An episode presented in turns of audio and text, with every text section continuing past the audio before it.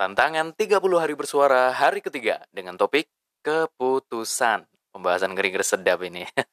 Seperti biasa, sebelum bercuap-cuap, kita opening dulu.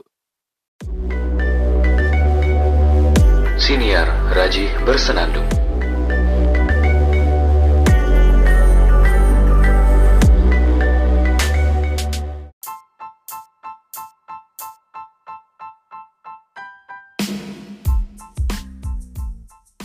Waduh, ngomongin keputusan ini.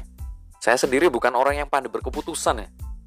Oke lah, keputusan. Siapa sih yang nggak bingung kalau disuruh berkeputusan? Ya mungkin ada orang yang bisa cepat banget ngasih keputusan, ada memang. Tapi nggak sedikit juga orang yang merasa sulit banget kalau harus menentukan sebuah keputusan. Apalagi keputusan yang besar banget buat dia. Contoh aja nih. Kalau ada cowok nembak cewek si cowok bilang ke cewek kamu mau nggak jadi pacarku? Wah. biasanya si cewek nggak langsung ngomong iya. Dia pasti perlu mikir dulu mateng-mateng. Ini cowok baik-baik nggak? Maksudnya orang baik-baik apa enggak gitu? Ntar kalau aku pacaran sama dia gimana kehidupanku nanti? Ntar kalau dia jahatin aku gimana? Nah banyak. Pikiran-pikiran muncul itu banyak. Sehingga bingung. Akhirnya dia sampai perlu ngobrol sama teman-teman atau sahabat-sahabatnya. Minta pendapat. Mungkin sampai perlu merenung lagi, perlu pergi ke Gunung Arjuna untuk bertapa mungkin, perlu puasa sampai 10 bulan mungkin, perlu istiqoroh setiap malam mungkin. Ini lucu sih, pacaran sampai istiqoroh sama puasa ya. Ya anyway, intinya keputusan itu bukanlah hal yang sangat mudah.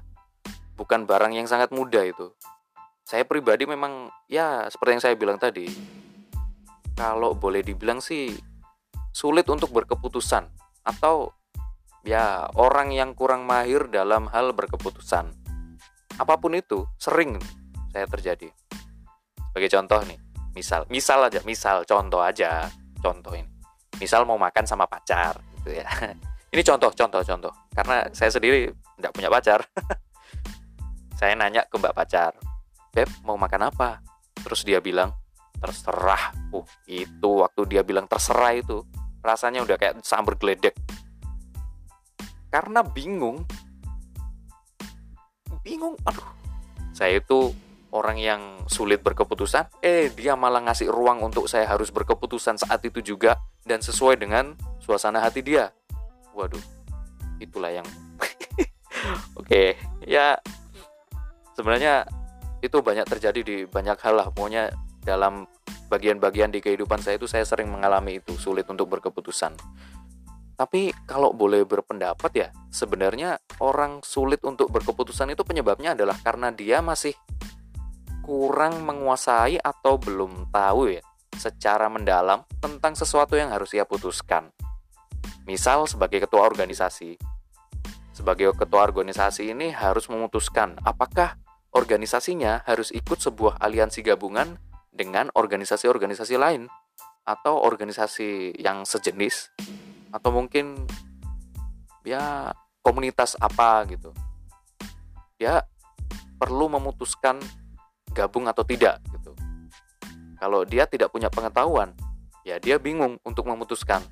Tapi kalau dia tahu kondisi dan paham lapangan, berpengalaman, karena dia sudah banyak berpraktek di organisasi sebelum-sebelumnya, sebelum jadi ketua, maka dia tidak akan bingung-bingung untuk memutuskan hal yang sifatnya keputusan organisasi. Meskipun sebenarnya bisa juga diakalin sih kalau hal seperti ini terjadi. Caranya, ketika ada seorang pemimpin yang miskin pengalaman, maka dia bisa ngajak diskusi dan minta pendapat atau pertimbangan ke kawan-kawan pengurus atau anggota organisasinya yang lebih paham kondisi organisasi dan kondisi di lapangan dan juga lebih berpengalaman. Tapi ini nggak menjamin sih koordinasinya bisa gampang dan mulus lancar gitu ya. Karena ngajak koordinasi juga nggak gampang-gampang amat gitu loh. Apalagi yang diajak koordinasi itu juga orang yang kurang kooperatif itu malah jadi sulit. ini malah bahas organisasi oke ya itu contoh aja pokoknya contoh aja kalau berkeputusan itu ya memang perlu pengalaman untuk berkeputusan sehingga bisa jadi mahir untuk memberikan keputusan gitu. Tapi begitulah pendapatku tentang keputusan. So, jika ingin pandai berkeputusan, maka banyak-banyaklah belajar dan mempelajari kesalahan yang telah terjadi dan telah kita perbuat di kehidupan kita. Biar nanti dengan pelajaran yang sudah didapat di kehidupan kita, kita akan menjadi orang yang mahir berkeputusan. Keputusan apa pun itu. Keputusan mau kuliah di luar negeri kah, mau menikah kah, atau mau beli es krim. Itu nanti ya kita pelajari nanti ya kita pelajari dan nanti berkeputusan itu adalah praktek prakteknya kalaupun kita nanti salah dalam berkeputusan nggak apa-apa kita jadikan pelajaran gitu pahit manis kehidupan itu pasti ada pelajarannya. Sekecil apa pun itu gitu. Sesimpel kita mau beli bakso atau mau beli es krim itu pasti ada pelajarannya.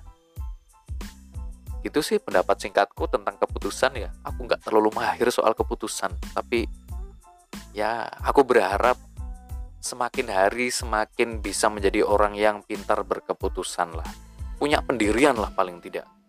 Biar nggak ngalor ngidul itu uh, ngikut gitu loh biar nggak maksudnya biar nggak mudah terbawa arus saja ya semoga kita jadi orang yang mahir berkeputusan semakin mahir semakin bisa mudah untuk mempelajari kehidupan kita semakin mau untuk belajar setiap harinya sehingga nantinya kita menjadi semakin mahir dalam berkeputusan.